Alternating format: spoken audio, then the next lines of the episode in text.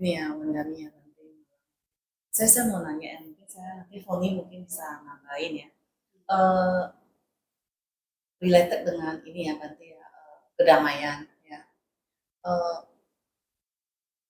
nah ini kan sering merasa ini ya Bante ya, uh, dalam activity kita ya sehari-hari dalam kehidupan kita ya apakah itu secara internal ya dalam arti kata dalam keluarga kita ataupun di eksternal ya kita itu selalu merasa uh, kurang kedamaian ya Bante ya dalam menjalankan activity sehari-hari dalam arti kata uh, yang yang paling banyak itu ya Bante itu ada dalam sisi kekhawatiran Bante uh, padahal kita tahu ya Bante ya kekhawatiran itu kan sebenarnya sesuatu yang salah kama Bante. Uh, bagaimana caranya ya Bante ya untuk kita ini bisa uh, lebih meredam ya Bante ya uh, rasa kekhawatiran ya Bante ya. It, it, itu yang pertama. Terus kedua mungkin ini ya Pon ya. If kalau kita mau pindah ya, move ke ke ke Nah, ke, ke challenge yang baru ya Bante ya, di mana kita udah merasakan kenyamanan ya. Biasanya kan orang akan relax apa ya, relax uh, akan avoid untuk ini ya Bante ya, keluar dari, nah, keluar dari zona kenyamanan. So, uh, apa yang harus kita lakukan? Hmm, complicated pemikiran kita itu. Terlalu banyak berpikir ya Bante. Ya? Bukan, ya? bukan terlalu banyak, complicated, tumpang tindih uh, artinya apa? Berlawanan gitu. Seperti orang masuk ke dalam bara api, tapi maunya nggak pengen panas oleh api. Alam mana pun sesungguhnya, kata sesungguhnya ini oleh karena secara ultimate-nya, secara tertingginya, nggak ada alam apa pun. Walaupun ada beberapa jenjang alam, itu disebut sebagai alam kebahagiaan, disebut sebagai alam kedamaian, tapi masih berupa alam. Nah, tidak ada alam apa pun sesungguhnya yang bebas dari kehiruk pikukan. Hiruk pikuk. Hiruk pikuknya karena desire. Apa?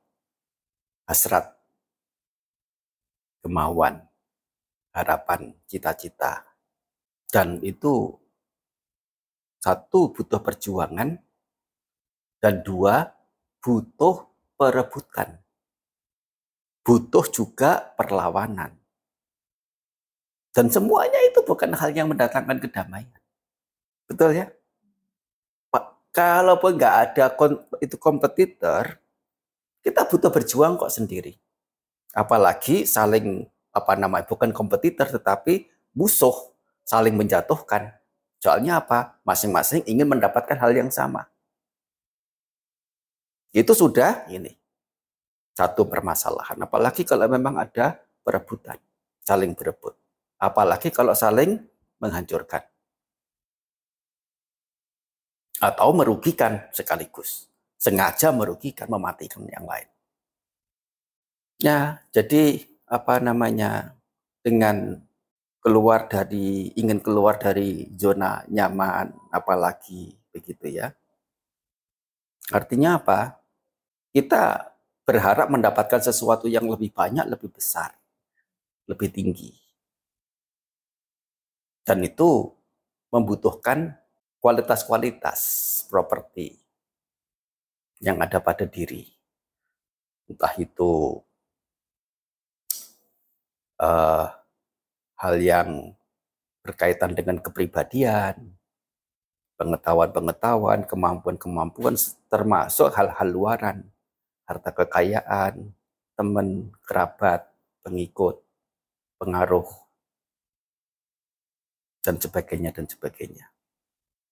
Nah, begitu itu yaitu yang dikatakan complicated. Kita tidak bisa lepas dari kekhawatiran, oleh karena kita sedang berada dalam ketidakpastian dan kita sadar secara consciousnya atau secara subconsciousnya. Sadar kok, harta yang aku dapat bisa bertahan bersamaku berapa lama. Orang-orang yang ada denganku bisa tahan bersamaku berapa lama. Sehingga muncul kekhawatiran. Apalagi ada hal yang belum dicapai, lebih-lebih lagi. Khawatir akan bisa dicapai tidak. Dan mau berada di tengah-tengah api sedemikian rupa, hiruk pikuk sedemikian rupa, dan terbebas dari kekhawatiran, itu seperti, nah itu, mau nyembur di apa bara api tapi tidak mau panas, itu nggak mungkin. Nggak mungkin. Paling, paling orang yang pinter mungkin akan pakai pelindung apa atau bagaimana cara menghindar sepandai mungkin dari panas. Mungkin tapi nggak bisa bertahan lama. Katakanlah dengan cerobong, cerobong apa bukan cerobong, apa namanya itu uh, pelindung uh, pelindung pelindung tubuh pakai ini seperti apa ya seperti kalau pergi ke ruang angkasa itu pakai tabung oksigen ya tiba waktunya oksigennya juga akan habis keluar lagi dari api uh, artinya apa dalam kita berjuang mungkin kita bisa menggunakan kebaikan-kebaikan untuk menetralisir hal-hal yang mungkin uh, muncul yaitu permasalahan-permasalahan yang mungkin uh, menguak ke permukaan. Tapi kebaikan itu sendiri nggak bisa bertahan lama buah-buahnya itu. Bahkan beberapa nggak mempan. Artinya apa? Kita sudah apa namanya uh, me, men, apa, menggelar menggelar kebaikan kepada orang sekitar, entah di rumah atau di tempat kerja atau di masyarakat di mana pun di lingkungan di komunitas apa pun. Dengan harapan mereka bisa kooperatif. Tapi apakah itu selalu berhasil? Namanya manusia. Beberapa orang tahu terima kasih. Ngerti orang baik. Tapi beberapa orang nggak ngerti orang baik. Apa itu eh, terlebih nggak ngerti tahu terima kasih. Dan hiruk pikuk semuanya itu bukan karena ingin memberi, tapi ingin mendapat dengan mencari, dengan berebut, dengan bertentangan satu sama lain. Dan kalau mau disimpulkan adalah kembali karena loba, tamak, serakah. Satu lagi adalah iritasi, murka, kebencian, geram, karena hal yang ingin didapatkan khawatir tidak didapat. Atau hal yang sudah didapat secara terpaksa lepas dari kepemilikan. Menimbulkan iritasi. Dan sesungguhnya rasa iritasi, keiritasian, keserakahan, keduanya inilah yang memainkan peranan dalam seseorang itu menjadi muncul khawatir, menjadi muncul uh, depresi, tertekan, stressful, oppressed. Dan itu nama lain dari penderitaan. Jadi sepanjang sepanjang masih menikmati alam, apalagi alam manusia, nggak akan nggak akan lepas, nggak akan lolos dari kehiruk pikukan.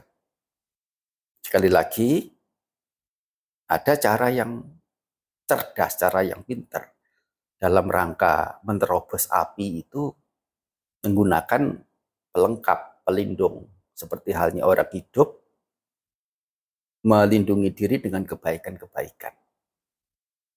Tapi ya itu nggak ada habisnya. Dan belum tentu berhasil. Oleh karena apa? Kebaikan-kebaikan itu sebatas sebagai pendukung seperti orang sakit, obat adalah pendukung. Tidak pasti semua obat itu menyembuhkan. Jangankan obat itu tidak cocok dengan penyakitnya, cocok dengan penyakitnya saja belum tentu sakitnya bisa sembuh oleh obat. Hanya pendukung. Kita uh, mengumpulkan dukungan-dukungan itu demi melancarkan jalan kita. Tetapi sejauh apa dukungan-dukungan itu bisa uh, apa namanya i, successful. Apa yang saya sampaikan tentu adalah pemahaman komprehensif, pemahaman secara idealnya. Begitu. Walaupun kenyataannya mana sih orangnya yang tidak menyenangi kehidupannya, tidak mau menikmati kehidupannya, dan risiko dalam menyenangi kehidupan, menikmati kehidupan, nggak lepas dari apa yang disampaikan tadi.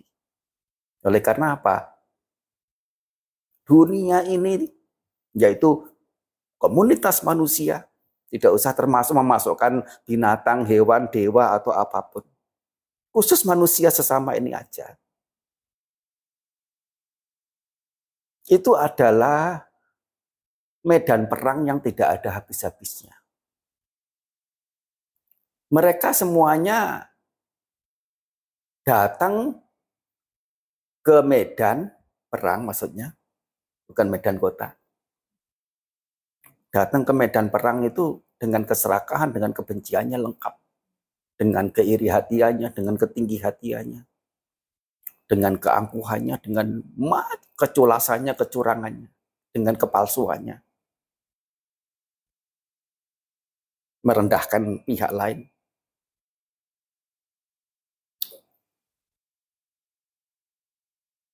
Dan itu demikian rupa warnanya. Dikatakan komunitas manusia termasuk siapa? masuk ke dalam sana dengan bekal itu semua. Dan isinya adalah saling gontok, tempur. Apa namanya? Yang bekerja, orang-orang pekerja semua kan ini. Ngertilah gimana di lapangan. Harus saling tarung. Harus ada tameng, harus ada senjata. Hmm. Saya di wihara tapi meskipun demikian, bukannya buta dengan apa yang di lapangan, apa yang orang itu alami. Jangankan di tempat kerja, siapa orangnya saling eh, nggak uh, ada hubungan dan saling siap untuk menindas. Dalam urusan berumah tangga satu sama lain saja tidak lepas dari itu. Eh. Dan kalau mau lebih mau ke urusan yang sangat-sangat subtle, yang lebih lembut lagi. Sesungguhnya diri orang, setiap individu, sudah ada benih pertentangan eh, antara diri sendiri dengan dirinya sendiri. Selalu tengkar, selalu bermusuhan. Pernahkah, tidak pernahkah kita mendengar istilah uh, dia sedang perang batin. Uh, itu tengkar antara siapa dengan siapa? Enggak butuh orang lain untuk bertengkar.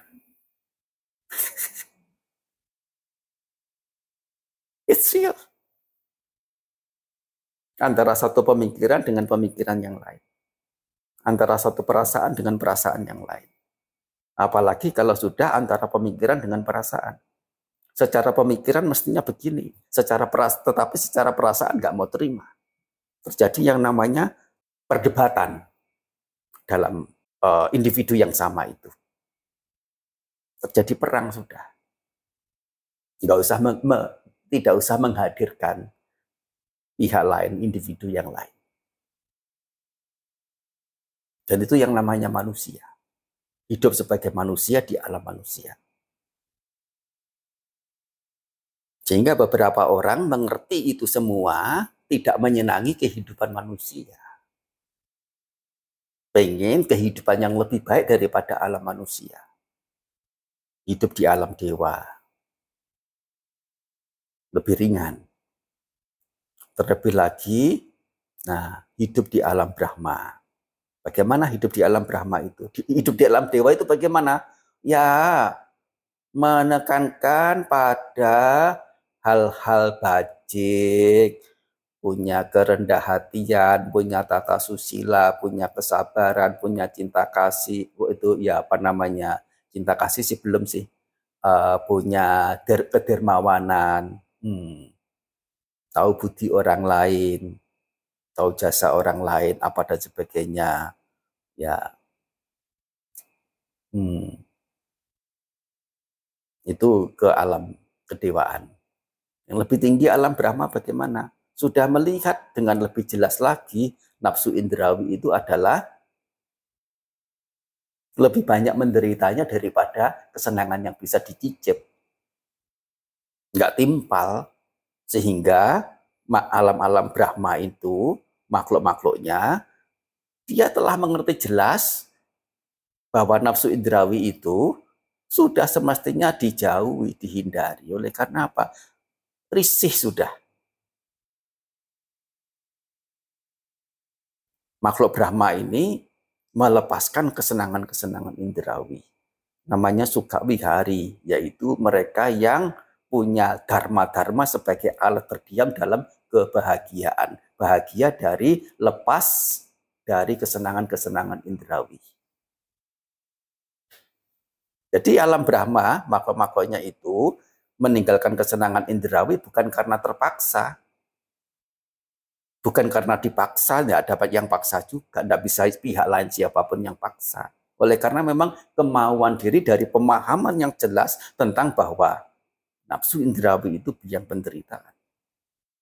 Tapi bagaimanapun alam Brahma sekalipun belum lepas dari penderitaan ternyata. Nah itu sangat satolnya ajaran sang bijaksanawan Buddha. Yaitu kalau mau ditinjau dari jenjang yang lebih apa namanya lebih tinggi, lebih tinggi lagi. Bahwa alam Brahma sendiri itu juga banyak jenjang, banyak tingkat. Secara umum dibedakan menjadi dua. Brahma dalam objek bentuk dan Brahma dalam objek tak berbentuk. Oleh karena oh, itu berkaitan dengan kasar dan lembutnya objek yang dicapai oleh tiap-tiap alam Brahma itu. Sehingga kalau sudah di rupa Brahma punya objek apa mengangkat hal-hal yang berbentuk sebagai objek yang ada bentuk sebagai objek yaitu materi rupa kata rupa materi atau eh, materi ini Oh, sangat luas sudah cakupannya. Materi menurut agama Buddha itu bukan sekadar yang namanya kulit, yang namanya daging, yang namanya air, yang namanya udara, yang namanya panas. Panas pun juga secara ilmu pengetahuan sekarang ini atau selama ini gitu ya yang kita ketahui secara ininya ya eh, secara umumnya begitulah. Ya yang disebut materi itu mungkin adalah sampai pada ya padat, cair, tengah-tengahnya ada lembek. ah, terus apa lagi? Udara. Udara pun sudah dikatakan apakah itu materi, orang sudah bingung. Padahal itu adalah partikel materi yang bertebaran. Nah, yang membuat kita bisa bernafas adalah karena materi. Betul tidak? Iya. Ada oksigen, ada apa dan sebagainya dan sebagainya itu adalah materi. Dan cakupan materi dalam agama Buddha bukan melulu itu, termasuk suara juga materi, bau juga materi, rasa juga materi. Dan itu baru belakangan setelah uh, quantum theory, quantum fisik. Menemukan bahwa, nah, cahaya itu sesungguhnya adalah materi dalam bentuk foton. uh, foton itu adalah materi, cahaya materi. Yang selama ini mungkin hanya berapa persen yang paham sadar bahwa cahaya itu adalah materi. Para ilmuwan yang khusus mereka yang men, apa, mendalami urusan quantum teori. Nah, balik pada alam Brahma itu tadi, mereka yang berada di alam Brahma rupa atau rupa Brahma, yaitu makhluk-makhluk di makhluk-makhluk yang menggunakan materi sebagai objek, sebagai hal yang tidak patut untuk digandrungi, disenangi, dilekati. Tetapi kebahagiaan luhur yang didapat dari e, menyadari hal itu, mas kebahagiaan itu masih dianggap terlalu kasar masih sangat kasar. Sehingga beranjak untuk menggunakan objek yang tidak berbentuk. Nah, mereka-mereka itu sebutannya adalah arupa Brahma. Sekali lagi artinya adalah alam Brahma yang makhluk-makhluknya nah menggunakan objek, eh, menggunakan hal-hal yang tak berbentuk atau non materi sebagai objek. Nah, keberadaan alam Brahma seperti ini sebutannya adalah Santi Wihari. Kalau rupa Brahma sebutannya adalah Sukha Wihari, alam arupa Brahma sebutannya adalah Santi Wihari. Santi artinya redam, Santi artinya damai. Wihari artinya hal-hal yang menjadi alat berdiam dalam kedamaian, dalam keredaman. Ini pun oleh Sang Buddha dikatakan masih ada risiko untuk menderita. Sedemikian dalamnya proses spiritualitas dalam Buddhis. Nah, balik pada pengertian kedamaian, keredaman. Bagaimana? Bahwa kedamaian, keredaman ini ada secara berjenjang bertingkat. Setidaknya dengan tidak berbuat buruk sudah mengurangi sisi rasa iritasi, khawatir, cemas, ketakutan. Ya tak? Kalau tidak berbohong, kalau tidak mencuri, orang tidak perlu banyak khawatir apa kebaikan. Nah, dia pergi ke mana merasa nyaman. Orang yang dia temui, nah, begitu ditemui kok meskipun nggak kenal, dia, dia tidak kenal, orang yang orang yang menemui dia itu kok sikapnya baik, apa suportif dan sebagainya dan sebagainya. Oleh karena memang tanpa dia tahu dia dikenal sebagai orang yang baik. Atau setidaknya kalaupun orang itu tidak tahu bahwa itu adalah orang baik, aura dari orang baik itu kelihatan. Ini adalah jenjang satu lagi. Tapi bagaimanapun, sekali lagi, hal-hal baik itu melelahkan. Buat lagi, buat lagi, nggak ada habisnya.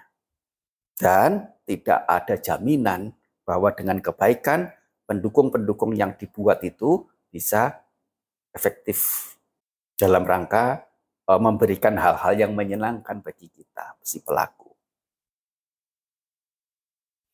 Nah, jadi saya kira itu ya jawaban yang mungkin tidak menyenangkan. Oleh karena tidak sesuai dengan harapan. Harapannya mungkin kebanyakan ya bagaimana aku bisa tetap melanglang buana di dunia ini tanpa perlu mendapati risiko-risiko menyakitkannya.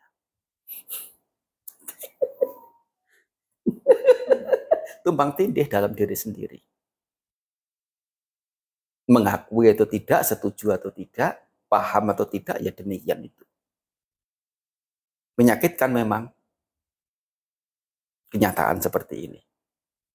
Tapi kita sudah terlanjur hidup, sudah terlanjur terlahir, dan berada di tengah-tengah sebagai salah satu di antara komunitas manusia. Tergantung masing-masing kemudian mau ke jenjang mana, dia itu melangkah. Dan punya konsekuensinya masing-masing yang lebih tinggi yang mesti dicapai. Dalam Brahma sekalipun begitu ya, hmm, masih ada iritasi, masih ada kesenangan-kesenangan. Tapi kesenangannya tingkat tinggi. Hmm, kesenangan tingkat tinggi ini, oh aku yang berada dalam kedamaian sedemikian rupa. Oh, aku yang berada dalam kebahagiaan karena terbebas dari kesenangan indrawi sedemikian rupa. Yaitu apa? Paham sebagai yang ada. Paham sebagai yang hidup. Pengertian pemahaman sebagai yang hidup yang ada.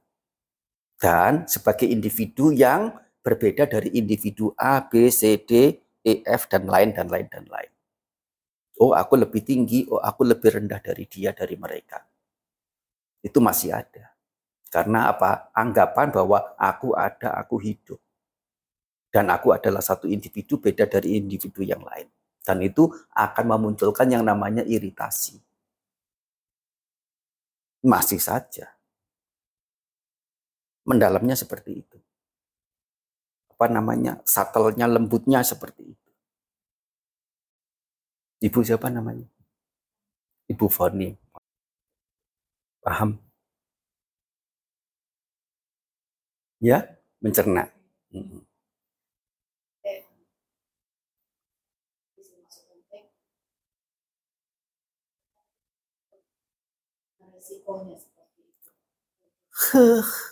Banyak sekali orang takut dan selalu dalam ketakutan. Panglima perang seperti Gajah Mada siapa pun nggak ada yang tanpa kegentaran, ketakutan, kekhawatiran. Tetapi keinginan mau berkuasa, keinginan mau berjaya, keinginan mau superior, keinginan mau terpandang itu lebih kuat daripada ketakutannya. Dan tidak ada tidak ada apa namanya pilihan lain selain kemudian menerjang semuanya.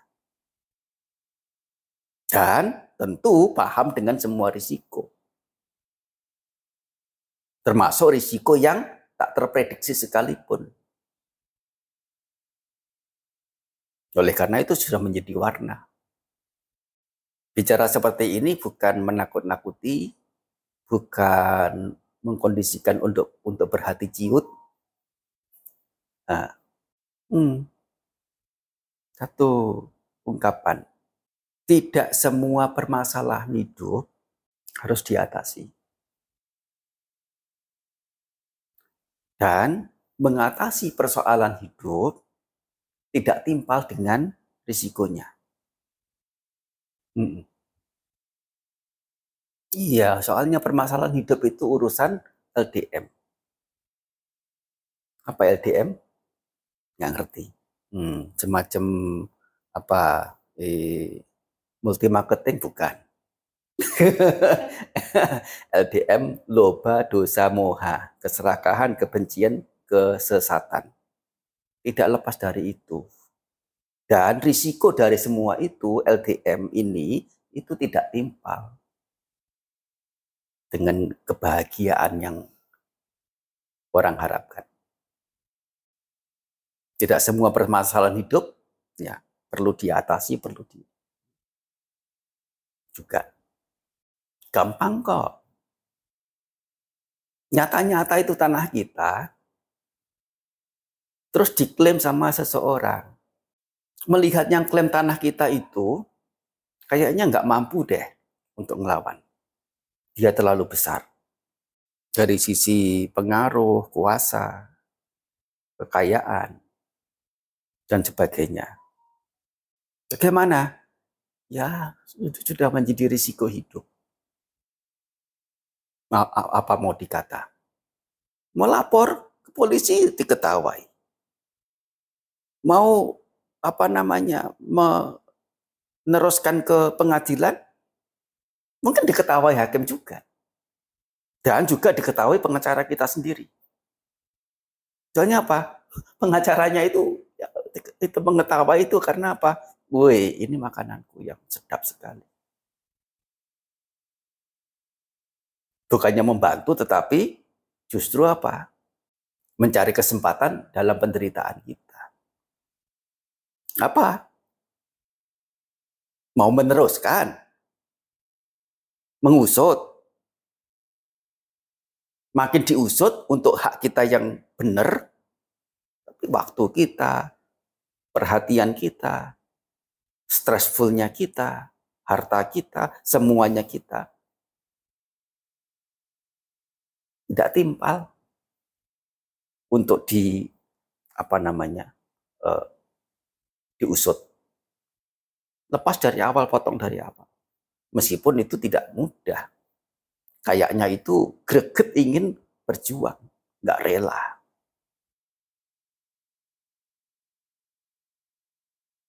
Menyakitkan.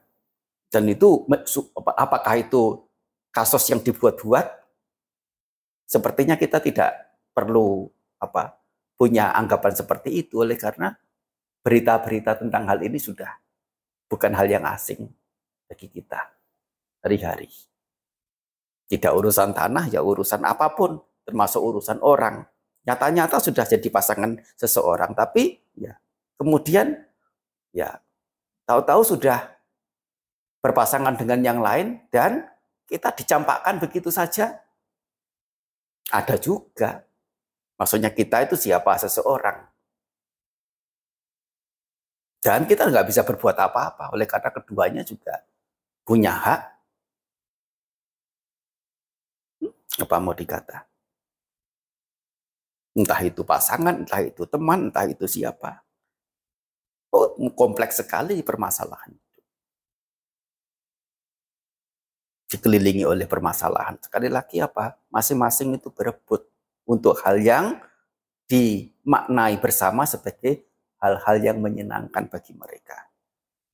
Dan itu yang dikatakan kita sedang berada di bara api. Kalau kita retreat, mundur dari semuanya itu, satu sisi mungkin kita dikatakan sebagai orang yang sudah menyerah kalah. Tapi untuk beberapa orang tidak dapat dikatakan retreat, mundur, tapi dikatakan sebagai renounce. Renounce itu apa? E, menyingkir, menghindar dengan pengertian yang baik, pengertian yang yang bijaksana. Namanya renounce. Bukan retreat tahu itu semua apa seluk beluknya bagaimana, selah-selahnya bagaimana, akibat dampaknya bagaimana, timpal tidaknya, semuanya itu jelas di mata. Sehingga ah nggak timpal. Bukannya kalah, bukannya menyerah, tapi tahu sebab dan akibatnya bagaimana, dirasa itu nggak timpal untuk diperjuangkan, menyingkir secara bijaksananya namanya renounce. Oke, okay? mungkin uh, cukup ya untuk eh, apa pertanyaan tadi itu. Tapi kalau mau ada hal yang terkait boleh diungkap.